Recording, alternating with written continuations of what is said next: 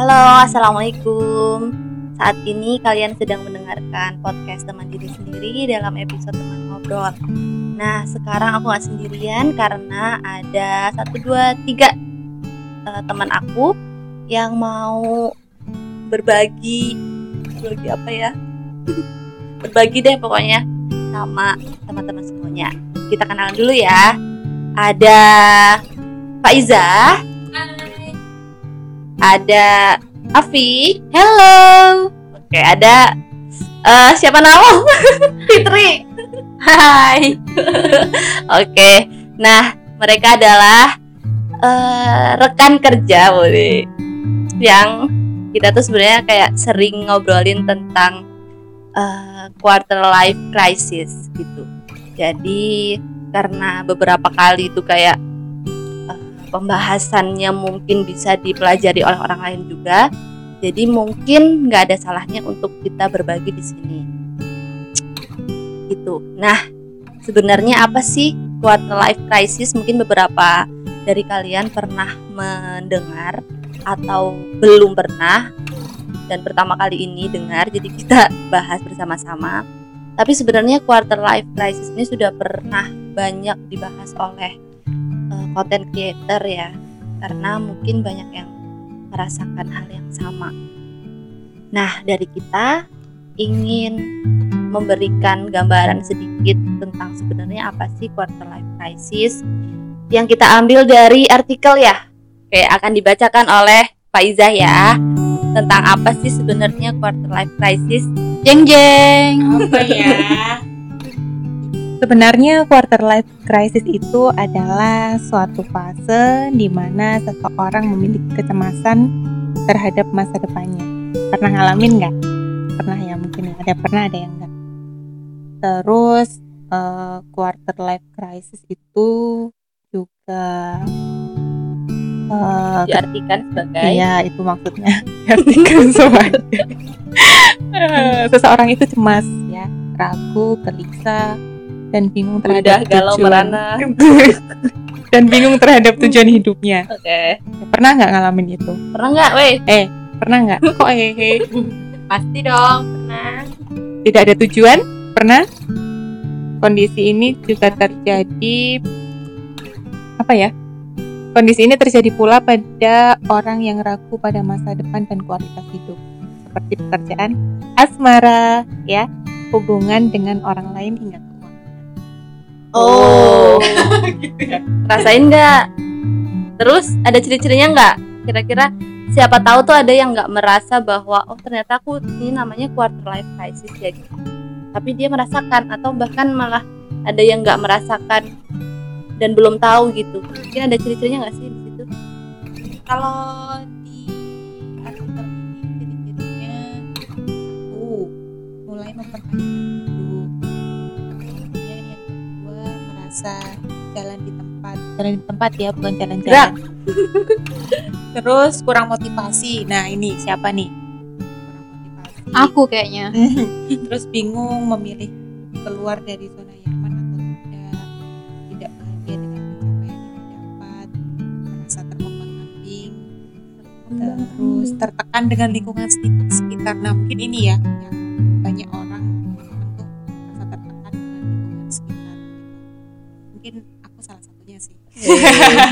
Ada lagi? itu Itu ya kira-kira itu ya. Oke. Berarti kalau diambil kesimpulannya dari artikel yang sudah dibacakan dari artikel mana? Hello Sehat ya.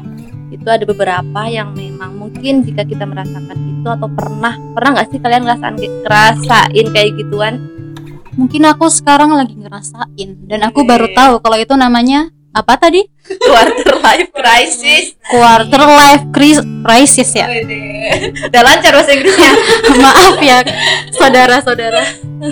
Oke, baru tahu ya namanya itu ya. Iya. Sebenarnya itu kayak terms di psychologically gitu loh, di psikolog kayak gitu. Tapi ya kayaknya perlu ada yang cerita nggak sih? Eh kamu katanya merasakan? Iya. Kamu rasanya gimana? Kasih dulu. Hei. kayak live ya Oke, dari aku itu dari aku sendiri itu sebenarnya eh, mungkin di dua tahun atau tiga tahun sebelum ini ya itu kayak ngerasa bingung apalagi kalau baru lulus kuliah itu tuh kayak habis kuliah tuh aku mau ngapain ya terus misalnya nih ada dorongan dari apa sosial yang harusnya aku S2 atau harusnya aku nikah nih gitu. Ya perempuan kan nggak jauh-jauh dari itu ya. Ya nggak sih? Ya dorongan di cultural social culture. Terus mulai tuh dari yang social culture itu masuk ke kita terus kita mempertanyakan sendiri emang apa aku beneran mau untuk S2 buat apa aku S2 dan sebenarnya apa yang aku pengenin untuk S2 misalnya itu kan udah terus setelah itu misalnya nikah nih beneran nggak sih aku emang pengen dan butuh untuk menikah di usia eh, segini? Atau cuma pengen aja atau sebenarnya aku belum siap? Atau apa sih yang sebenarnya harus aku persiapkan? Itu mulai kayak bingung arahnya harus ke mana gitu. Kalau aku sih kayak ngerasain itu di dua tahun sebelum itu dan emang rasanya nggak enak banget dan pasti semua orang kayaknya mulai merasakan itu gitu. Cuman mungkin umurnya beda-beda ya karena nggak nggak mesti yang kayak di 25 atau 23, 22 atau mungkin di 30 bisa jadi di 19 gitu. Jadi memang semuanya bisa berbeda-beda tergantung dengan keadaan situasi yang sedang dirasakan oleh orang itu. Saat itu pas aku kuliah itu kayak itu sih lebih ke beneran nggak sih aku pengen S2 Eh, apa yang mau aku kejar di S2 kalau kalau nikah pun apa yang pengen aku ini, ini, ini. jadi eh, selalu mempertanyakan apakah itu yang aku mau kayak gitu. Kalau dari kan gimana guys? Ayo guys. Dari siapa? Siapa yang mau cerita duluan? Aku deh aku. oke dari Fitri. Ya, kalau aku sendiri sih tepatnya kapan mengalami atau menyadari bahwa aku di fase sedang krisis? Tadi life crisis. Quarter life crisis. Seperempat abad krisis seperempat abad. Ya tepatnya saat umur berapa saya aku itu nggak ingat. Ya aku. Nggak konsisten banget.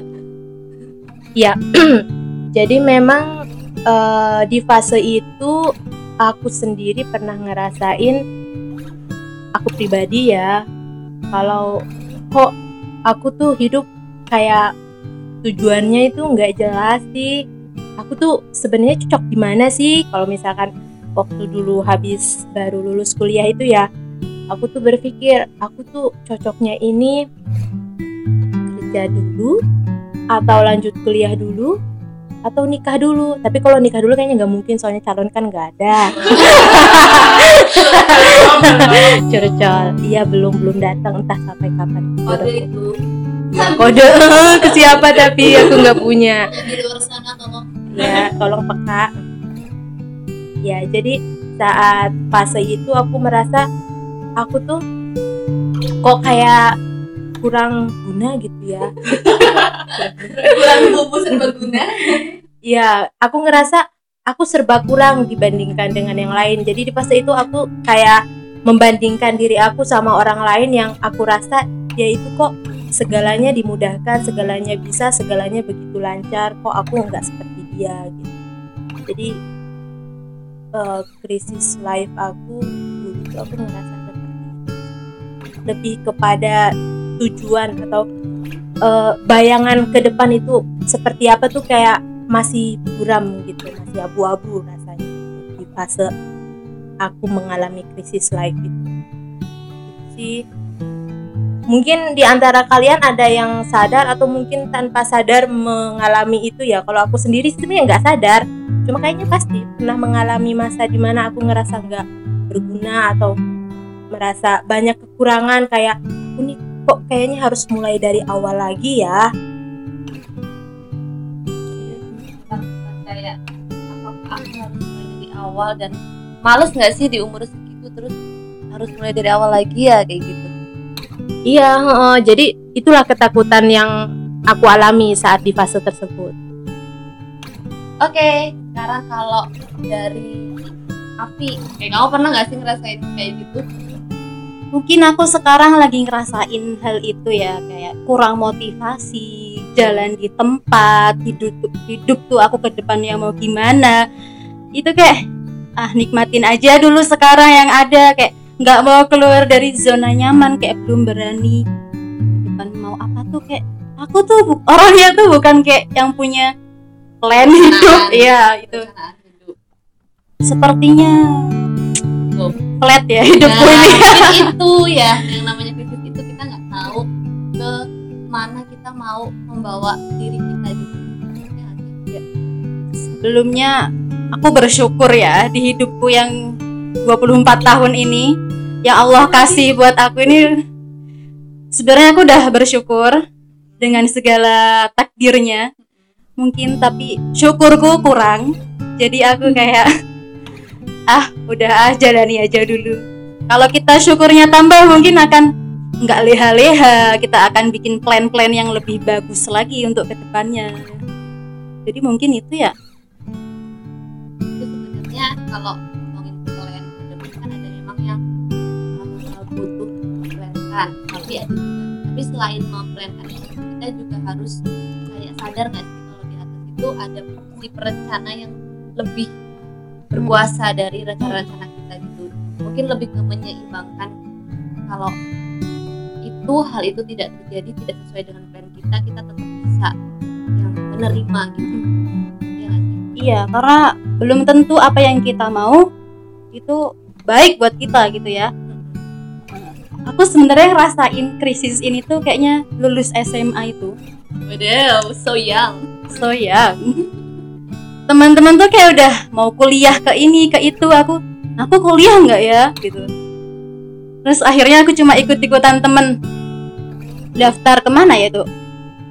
Unif. Iya, SBMPTN aku tuh gaya banget SBMPTN itu kan soalnya materi pengetahuan umum semua ya, kau basicnya di agama ya. pelajaran agama, Ini Ustazah. bukan. Amin. Ya, untuk anak-anakku kelak, cie. untuk diriku sendiri tentunya. Heeh. Akhirnya aku cuma ikut-ikutan tanpa persiapan. Akhirnya nggak ada yang lolos.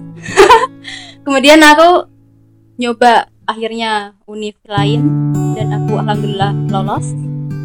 Ya itu cuma ikut-ikutan juga sebenarnya. Belum karena aku sebenarnya pengen nggak sih Iya. gitu ya. nggak tahu diriku tuh mau dibawa ke mana tuh belum tahu Sekarang sekarang juga masih menjajaki parah ya tapi memang nggak yang proses instan setahun dua tahun akan menemukan jawabannya gitu loh. Mm-mm. Itu proses yang terus menerus bahkan memakai waktu bertahun-tahun. Oh, oh. Hmm. Oke dari aku kayak gitu ya. Mungkin satu lagi nih. Kalau aku pernah sih eh, mengalami hal itu, kadang cemas, ya kadang bingung, kadang tujuannya tuh sebenarnya aku mau aku mau apa sih untuk ke depannya gitu. Pernah sih ngalami di fase itu, gitu. Pas eh, awal-awal lulus kul- lulus kuliah ya. Lulus kuliah itu kan eh, memang banyak yang bingung ya. Mau sebenarnya kita tuh mau apa sih gitu? Apakah melanjutkan pekerjaan sesuai dengan jurusan kita gitu ataukah kita akan langsung bekerja mencari pekerjaan yang tidak sesuai dengan jurusan kita itu kan kadang Mm. bingung ya sebenarnya apa sih yang mau kita dap mau aku mau gitu eh, ya. aku mau yang ke depannya tuh aku nanti jadi apa gitu Jadi apa? Prok, prok. Oke, lanjut. kata siapa itu Terus tapi kadang tuh melihat lingkungan sekitar yang ada banyak orang-orang di luar sana yang udah sukses gitu. Kemudian udah bisa membangun karya-karyanya mereka gitu. Tapi aku bingung gitu sebenarnya mau mau ke mana sih arahnya? Kan? Tapi saat itu juga aku juga berpikir bahwa kita harus punya mimpi sebenarnya tapi yang realistis ya kalau mimpi yang terlalu jauh-jauh tuh kayak Khayal. bukan ngayal sih terlalu terlalu tinggi Ini tuh aku punya quotes dari Gofar Hilman, kayak ada yang sering dengerin podcastnya juga, bahwa kita tuh kalau bermimpi itu lebih baik yang eh gimana sih kata-katanya? Kita boleh bermimpi asalkan langitnya itu eh ya asalkan oh gini kita boleh bermimpi setinggi langit asalkan langitnya itu kelihatan. Jadi kayak kan di atas langit masih ada langit tuh. Kita langit yang masih kelihatan di kita dulu. Jadi kita mimpinya tuh karena kita set goal yang bener-bener kita kayaknya bisa ke sana deh gitu bukan sekedar yang langit ketujuh kayak gitu. Ngerti nggak sih mas aku? Gitu deh pokoknya ya terus. Ya pokoknya sebenarnya kan ada orang yang aku punya aku aku punya mimpi ini dan aku harus bisa dapat itu gitu. Tapi ada beberapa orang yang eh, berpikiran bahwa ya aku cuma punya mimpi aja. Mau dapat mau enggak ya nanti ke depannya jalani aja lah gitu. Nah kadang eh, aku ngerasa juga ketika aku punya mimpi loh tapi apakah aku bisa nyap me- me- apa mencapai Menggapai. menggapainya gitu. Nah kadang tuh ada rasa takut kayak gitu. Nah itu mungkin eh, salah satu apa tadi quarter life crisis kita gitu ya. Itu sih kalau dari aku. Terus eh, sampai sekarang kamu kayak masih rasain itu atau sudah? Kalau sekarang rasanya masih jalan di tempat ya rasanya masih. Sebenarnya setelah ini mau apa sih? Ya memang harus punya plan ya. Tapi aku tuh masih ya jalan di tempat aja. Mungkin berada di zona nyaman kali ya. Belum berani untuk mengambil resiko ketika kita akan melangkah ke depannya seperti berarti lebih ke mempelajari bertanya ke dalam diri kita gitu ya. Sebenarnya kita tuh pengen apa gitu. Mm-mm. Mempertimbangkan A B C konsekuensinya apa. Berarti banyak belajar lagi. Ya nggak sih? Berarti kan tadi udah disinggung ya bahwa eh, beberapa tuh bingungnya tuh dalam persepsi cewek ya itu lebih ke setelah lulus kuliah atau sekarang ini tuh pengennya tuh lebih ke apa sih? Tadi ada apa aja sih? Yang nggak jauh-jauh dari uh, mau kerja kah fokus ke kerja atau ke S2 dulu kelanjutin pendidikannya atau mau ke nikah dulu kayak gitu. Ya nggak sih? Biasanya kayak tiga itu yang menjadi kebingungan. Kan sebenarnya harus harus kenali diri sendiri sih ya Mm-mm. kayak podcastnya siapa? Tadi? siapa dong? Tolong promoin. Itu harus bisa kenali diri sendiri sih lingkungan sekitar itu yang kadang membuat kita tambah bingung gitu. Ketika mungkin ada omongan dari A omongan dari B omongan dari C gitu. Kalau memang dari diri sendiri itu tidak kuat ya keyakinannya kita mau ke mana ya kita akan akan jadi bumerang sendiri buat kita sendiri. Ya nggak sih? Mm-mm, benar Eh, nggak dipungkiri juga sih sebenarnya bahwa khususnya di Indonesia kali ya kayak social pressure kan berarti. Kayak dorongan dari sosial kayak pasti pernah nggak sih kayak udah umur segini nih kok eh, belum lulus kuliah gitu misalnya. Terus umur segini nih kok kamu belum ini gitu. Kayak semua tuh dihitung berdasarkan angka angka umur kita. Itu kan kadang apalagi buat wanita tuh kayak apaan? Eh bukan kayak gitu sih kayak lebih ke sebenarnya itu kita punya waktunya kita sendiri-sendiri kok cuman mulut orang lain itu kadang yang menjatuhkan itu gitu. Jadi dari diri sendiri tuh ngerasa kurang pede dan kurang kurang kuyang kurang kuyang kuyang kurang yakin sama ya tujuan kita awal itu apa. Jadi kayak Oke. Nah, social pressure nih berarti.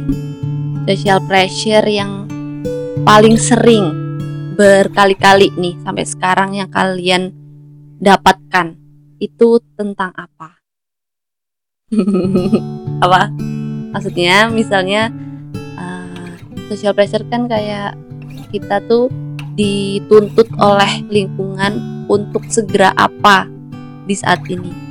Dan sebenarnya kamu uh, belum yang memang ke sana. Jadi kayak kamu tuh melakukan itu uh, cemas ragu itu karena social pressure yang ke kamu tuh lebih ba sangat banyak.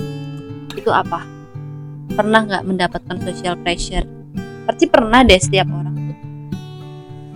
Ya kalau misalkan dari aku pribadi sih ya wajar ya awal maksudnya terkait dengan tekanan sosial karena kita memang hidup bermasyarakat secara tidak langsung ada yang namanya semacam kayak sudah menjadi hal yang wajar ketika umur segitu seharusnya sudah menikah atau ketika umur segitu seharusnya sudah mapan gitu. Ada beberapa hal yang sudah menjadi kebiasaan di zaman dulu pada umur misalkan umur 25 tahun ya.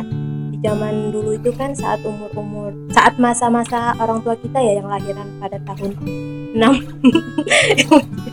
yang tahun kelahirannya 60-an itu kan di umur 25 itu sudah banyak yang menikah bahkan ada yang udah punya anak bagi laki-laki kehidupannya sudah mapan dan lain sebagainya. Sehingga di zaman kita yang sekarang ini di zaman yang milenial masih terbawa. Jadi secara tidak langsung kita juga dituntut untuk hidup seperti zamannya mereka di mana saat umur 25 ke atas atau mungkin dari umur 23 bahkan kita tuh sudah dituntut ayo kamu nikah aja kalau memang sudah ada yang uh, ngedeketin atau untuk cowok yang sudah lulus kuliah ayo dituntut segera mencari pekerjaan. untuk segera menjadi mapan dan bisa uh, cot apa namanya ya uh, bisa memantaskan diri untuk menikahi seorang wanita gitu kalau dari aku pribadi sih tuntutan yang aku dapatkan di usia saat ini adalah menikah. Jadi um, hal yang biasa sudah biasa aku dengar kalau misalkan uh, ayo ditanya kapan nikah kapan nikah? gitu. Jadi secara tidak langsung tuh mereka menuntut aku untuk segera nikah gitu. Padahal ya bukan hak mereka untuk menuntut aku dan mereka pun kan nggak berkewajiban untuk mengingatkan aku ya maksudnya itu hidup hidup ya, aku. oh, gitu. iya aku pun ingat maksudnya aku pun punya apa namanya ya pilihan hidupku gitu di umur segitu. Tapi ya namanya hidup bermasyarakat pasti ada ya sedikit tuntutan tekanan sosial. Di mana di umur segini ya namanya wanita ya masa belum menikah gitu. Pasti ada ada lah ya. Bilang-bilang kayak gitu nyuruh-nyuruh kita untuk segera dari uh, menikah ya. Itu banyak banget menurut aku deh. Banyak yang kayak paling kalau kita ke kondangan terus kita belum nyebar undangan tuh kayak apa gitu kan. Mungkin sasaran jadi sasaran. iya jadi sasaran. Sebenarnya ya aku juga sih kalau wajar karena mungkin uh, orang tua kita atau yang mengatakan itu itu ketika mereka umur segitu itu sudah merasakan hal itu. Itu itu itu gitu, gitu ya. Cuman kan kalau aku salah koreksi ya. Kalau kata Ali bin Abi Thalib itu didiklah anakmu itu sesuai dengan zamannya. Jadi kita mengikuti zamannya. Mungkin pada saat itu sangat uh, sangat tertutup gitu untuk meng, mengakui bahwa orang-orang itu punya prinsipnya masing-masing. Tapi sekarang kan mungkin agak lebih terbuka bahwa semua orang punya pemikiran dan mimpi dan uh, tujuannya masing-masing. Jadi ketika social pressure itu terlalu ditekankan menurut aku udah nggak wajar lagi. Karena batas manusia untuk menerima social pressure itu beda-beda masing-masing. Nggak apa-apa kayak sekedar mengingatkan bahwa e, seharusnya kamu sudah ini loh sudah itu. Karena karena ya mungkin ada beberapa banyak yang kayak gitu sih cuma sekedar basa-basi sebenarnya. Cuman cara menyampaikannya mungkin lebih ya lebih ke cara penyampaiannya. Karena setauku kalaupun niatnya baik tapi cara penyampaiannya tidak baik jatuhnya menjadi hal yang tidak baik. Semuanya tergantung ke cara penyampaiannya. Nah mungkin yang di tekankan di sini bukan social pressure-nya tapi bagaimana cara orang-orang itu menyampaikan hal-hal yang mungkin sensitif bagi beberapa orang. Nah, itu sepertinya yang uh, membebani orang-orang terutama apalagi nih kita udah di uh, social life yang pressure kita terus kita tambah life crisis nih gitu jadi kan mungkin semakin down semakin insecure bahwa oh aku tuh gagal ya kalau aku nggak nikah di umur 25 misalnya oh aku gagal ya kalau aku belum lulus di uh, umur yang 22 atau belum punya anak ya di umur 30 gitu. Dan terlalu fokus memplot-plotkan kayak gitu tuh kayak uh, buat apa sih? Sebenarnya buat apa sih kita meng ngeplot-ngeplotkan mengkotak-kotakan orang segini harus segini segini harus segini? Menurut aku yang paling bisa menghandle itu adalah kita sendiri. Kita yang kayak harus bisa menerima menyaring nih. Mungkin dari luar sana banyak sekali yang tidak bisa mengontrol atau cara penyampaiannya tadi ya mungkin kurang buat kita. Tapi kita sendiri yang bisa mengontrol itu boleh masuk ke kita atau enggak. Nah itu mungkin salah satu cara untuk kita menghadapi hal-hal itu gitu. Sebenarnya itu uh, social pressure maupun life crisis itu adalah dua hal yang menurut aku saling berkaitan dan bisa menjadi penyebab juga gitu loh karena terlalu banyak social pressure yang datang ke diri seseorang jadi dia merasakan life crisis. Dan salah satunya tadi yang sudah aku sampaikan bahwa kembali bertanya ke dalam diri meskipun aku tahu itu nggak mudah dan prosesnya orang tuh beda-beda tapi pasti semua orang akan melalui itu. Semua orang harus bersahabat dengan dirinya sendiri gitu loh untuk menemukan sebenarnya aku pengen apa aku bahagia nggak sih kalau kayak gini? Ya jadi kalau misalkan dari aku pribadi ya uh, tadi kan aku sempat bilang kalau misalkan aku mengalami fase di mana aku merasa nggak nggak guna kayak nggak kebayang gitu masa depanku gimana. Nah perasaan itu muncul ketika aku mulai ngebandingin diri aku dengan orang lain. Jadi saat aku mulai melihat kehidupan orang lain itu lebih indah aku rasanya ya kadang kan memang kata apa namanya pepatah bilang rumput tetangga itu selalu lebih indah dibanding rumput halaman sendiri ya. Kadang itu memang ada lebih betulnya. itu beda cerita. Jadi kalau misalkan udah mulai ngelihat kehidupan orang kok jauh lebih baik jauh lebih mudah jauh lebih simple kayak nggak ada masalah dibandingkan kita. Nah di situ kita mulai merasa ada life crisis. Kita tuh ngerasa kok aku kayak bukan siapa-siapa ya? Aku kayak aku kayak nggak punya keahlian apa pun ya gitu. Nah ketika aku merasa seperti itu aku mulai introspeksi diri. Dalam arti ketika aku terus menerus membandingkan diri aku dengan orang lain itu nggak akan ada habisnya. Karena ketika kita melihat orang lain dalam kehidupan apa namanya ya kehidupan dunia ya ketika kita melihat orang lain ada di atas kita, kita tuh akan selalu tertekan. Tetapi kalau misalkan kita bisa melihat bahwa ada yang lebih sulit dibandingkan kita, ada ada orang yang kehidupannya itu lebih menyakitkan dibanding kita, kita, maka kita itu akan lebih bersyukur. Tidak lagi kita mengalami sosial ya sosial pressure ataupun life crisis karena kita akan merasa lebih bersyukur lagi ketika melihat ternyata ada loh orang yang lebih susah hidupnya dibanding kita. Ada loh orang yang tidak bisa merasakan apa yang bisa kita rasakan. Jadi salah satu langkah yang bisa aku ambil untuk aku bisa lalui fase life crisis ataupun social pressing itu adalah aku stop, aku berhenti untuk melihat betapa indahnya atau mudahnya kehidupan orang lain. Aku mulai fokus sama diri aku. Aku tidak lagi menekan aku tuh harus sesuai dengan apa yang dituntut oleh masyarakat. Tidak. Aku mencoba untuk berhenti melakukan itu. Aku mencoba untuk fokus sama diri aku, apa yang aku bisa, aku lakukan. Apa yang aku tidak bisa, aku tinggalkan. Tidak lagi mengikuti apa yang diinginkan masyarakat.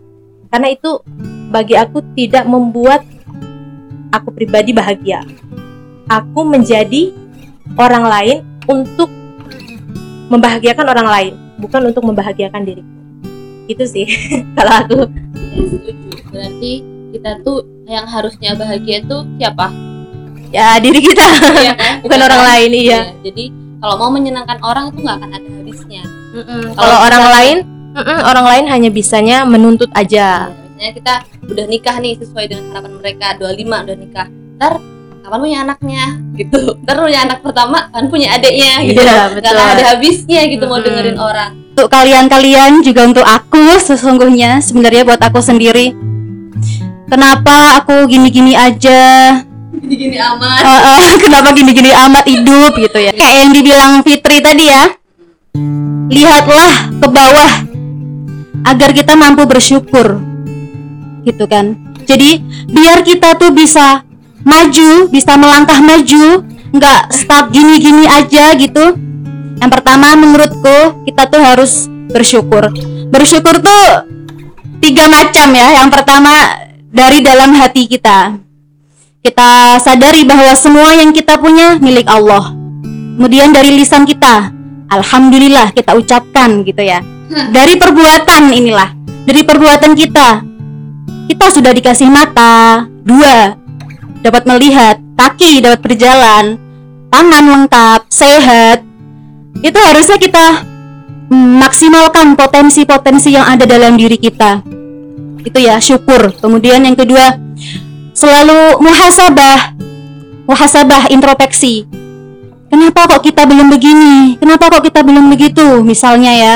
Kenapa ya aku belum nikah padahal udah target dari 2016 eh gagal. 2000 2017 gagal lagi. Sampai sekarang belum nikah nikah coba kita introspeksi. Apa kita udah cocok? Apa kita sama orang tua kita udah cukup berbakti gitu kan? Otomatis nanti kalau udah nikah tuh karena fokusnya udah sama suami ya kebanyakan ya sama keluarga pasti akan bakti kita tuh sama orang tua tuh pasti akan berkurang lah sedikit banyak Tapi kemudian bukan berarti udah nikah terus gak bisa berbakti. tidak bisa iya nggak gitu juga tapi mm-mm. mumpung kita nih belum nikah belum ada tanggungan lain mungkin Allah masih memberikan kita waktu untuk lebih banyak berbakti lebih banyak menyenangkan orang tua gitu. Terus tetap husnuzan dengan Allah gitu teman-teman semua. Gimana caranya? husnuzan sama Allah. Husnuzan sama Allah tuh ih kenapa sih? Kok Allah nggak ngasih ngasih aku jodoh jodoh? Kenapa Allah nggak bikin aku sukses? Itu nggak boleh teman-teman. Kembali ke muhasabah. Oh mungkin Allah belum memberiku jodoh karena tadi aku belum cukup baktiku sama orang tua oh mungkin Allah tidak memberiku banyak harta karena mungkin aku belum siap untuk itu. Kalau aku banyak harta mungkin aku akan sombong. Sedikit saja aku udah sombong, bagaimana kalau banyak? Coba berpikir baik. Karena jika kita berhusnuzon sama Allah, insya Allah Allah akan pertemukan kita dengan jalan keluar, walaupun jalan keluar itu ada di perut bumi. Itu ada sebuah pepatah mengatakan seperti itu. Semangat teman-teman. Ya, tapi aku mau membahas konsep bersyukur ya. Tadi kan ada tiga ya, kata Afi ya. Kalau aku pernah baca ini, boleh setuju boleh enggak ya? Cara kita untuk bersyukur, coba deh. Ada ada pernah eh, aku baca kayak di Twitter gitu. Coba deh lihat eh, penjual waktu yang kita SMA ketika mereka masih kayak gitu aja dan kita udah kayak gini seharusnya di situ kita bersyukur. Apakah menurutmu itu konsep yang benar atau kurang? Jadi kita melihat eh, melihat rendah orang untuk membandingkan bahwa kita lebih tinggi dan itu kita merasa bersyukur karena kita lebih tinggi. Hmm, kalau menurut aku sih bukan mem- memandang rendah ya tepatnya ya, tetapi kita melihat orang yang lebih memiliki hmm, kesulitan yang berbeda dengan kita. Hmm, seperti misalkan contoh kita hidup dengan berkecukupan. Kemudian kita melihat teman kita hidup dengan hutang piutang. Terus kita melihat kita melihat bahwa kita alhamdulillah kita hidup tanpa hutang sedangkan teman kita hidup harus hutang sana hutang sini baru bisa makan. Artinya kan kita ada sedikit rasa syukur tidak membandingkan gitu bahwa kita nih sudah hidup enak loh. Kita tuh nggak dihantui dengan hutang-hutang gitu. Jadi kita tuh bisa bisa bisa terhindar dari yang namanya sosial krisis karena kita tidak membandingkan diri dengan orang yang lebih baik tapi kita bisa lebih bersyukur karena melihat orang ada yang lebih sulit dibandingkan kita. Apa sama aja ya? Nah, itu sebenarnya ada di eh, benang merahnya tuh tipis banget gitu loh di mana kita bersyukur merendahkan orang atau bersyukur yang benar-benar bersyukur Yang tanpa merendahkan orang lain karena memang tipis banget Kalau menurut aku sih tergantung eh, pemikirannya dia ya atau keyakinan dia atau dari dalam hati dia gitu. Dia itu merasa bersyukurnya eh, dengan pemikiran merendahkan orang lain. Nih loh, eh, aku sekarang seperti ini, kamu seperti ini dan alhamdulillahnya aku sekarang itu lebih baik dari apa namanya dari orang itu gitu. Itu tergantung dengan keyakinan hati masing-masing sih kalau menurutku. Jadi apakah eh, bersyukur untuk merendahkan orang lain atau bersyukur eh, ya karena Allah gitu. Karena Allah memberikan eh, aku apa ya eh, ya nggak sama dengan mereka gitu. Gimana sih nangkep nggak ya Eh, aku sendiri ya. Sebenarnya aku nggak nangkep ketika aku harus bersyukur tapi aku membandingkan diriku dengan orang yang lebih bawah. Sebenarnya aku nggak nangkep bagaimana aku bisa bersyukur ketika aku ada orang yang lebih sulit dari aku. Terus itu aku cari terus kenapa aku nggak bisa merasa bersyukur dengan membandingkan orang yang di bawah aku. Aku cari terus kenapa. Dan ketika di suatu titik aku benar-benar down dan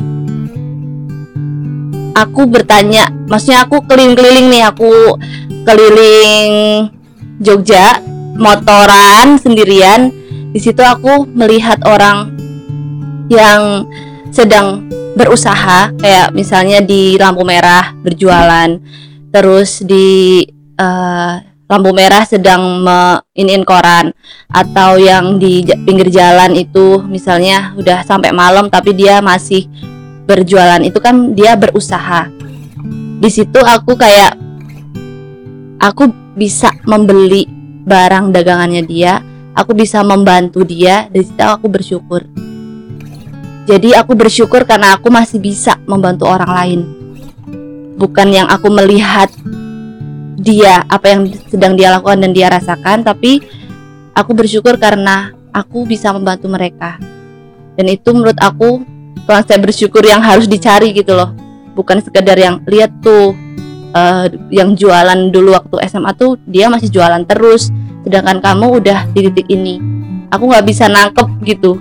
Aku harus bersyukur tapi aku harus lihat orang lain tuh lebih susah. Menurut aku nggak ada titik ketemunya gitu. Aku bersyukur ketika aku bisa membantu orang lain yang saat itu sedang susah gitu. Menurut aku ya. Jadi itu juga aku perjalanan panjang gitu. Oh ini ya maksudnya bersyukur gitu. Tapi memang ya orang beda-beda sih ya. Tapi menurut aku bersyukur kayak gitu sih. Ada ada yang mau menyampaikan penutupan dari aku dari Afi agar kita poten maksimalkan potensi kita produktifkan waktu kita. I'mal li dunyaka ka'annaka tamu ta'ishu abadan wa'mal li akhirataka li akhiratika li an. Bukan doa ya? Bukan jeng. Pengennya amin terus kalau mau ngomong Arab. Oh iya oke. Ulangin ya i'mal li dunyaka ka'annaka ta'ishu abadan wa'mal li akhiratika li ka'annaka tamutu ghadan lakukan untuk duniamu seakan-akan kamu tuh hidup tuh akan lama dan lakukan untuk akhiratmu seakan-akan kamu tuh akan mati besok. Jadi kita berusaha untuk dunia tapi tak lupa dengan akhirat. Semangat. Uy. Hmm. Masya Allah ya Ustazah Afiati Nurhayati Eh Bukan, bukan. Ya, pesan aku untuk teman-teman yang mendengarkan cerita ini, obrolan kita yang ke sana kemari tadi, eh, tetap semangat, mm-mm. kenali dirimu sendiri sih. Memang itu susah ya untuk mengenali diri sendiri. Perjalanan bertahun-tahun ya, tapi ya itu yang harus kita lakukan sebisa mungkin kenali dirimu sendiri dan tidak harus membandingkan dirimu dengan orang lain. Wih, oke. Sebenarnya kita tuh harus kayak bekerja sama gitu kalau kita sama diri kita sendiri. Kalau misalnya kita merasa kita itu sudah cukup baik, eh, bukan berarti sombong maksudnya ya. Maksudnya kita tuh sudah berusaha sekuat mungkin untuk melakukan hal-hal kita sudah fullkan gitu usaha kita. Insya Allah tuh nanti kalau ada yang mau kata, berkata A, berkata B, berkata C, kita sudah berusaha untuk membangun itu gitu jadi nggak akan mudah yang kayak terpengaruh oh iya juga ya ada orang yang ngatain ini oh iya juga ya aku ternyata eh, gini padahal kamu kalau sudah tahu seberapa berharganya diri kamu apa pun yang berasal dari luar itu kamu tetap damai di dalam dirimu.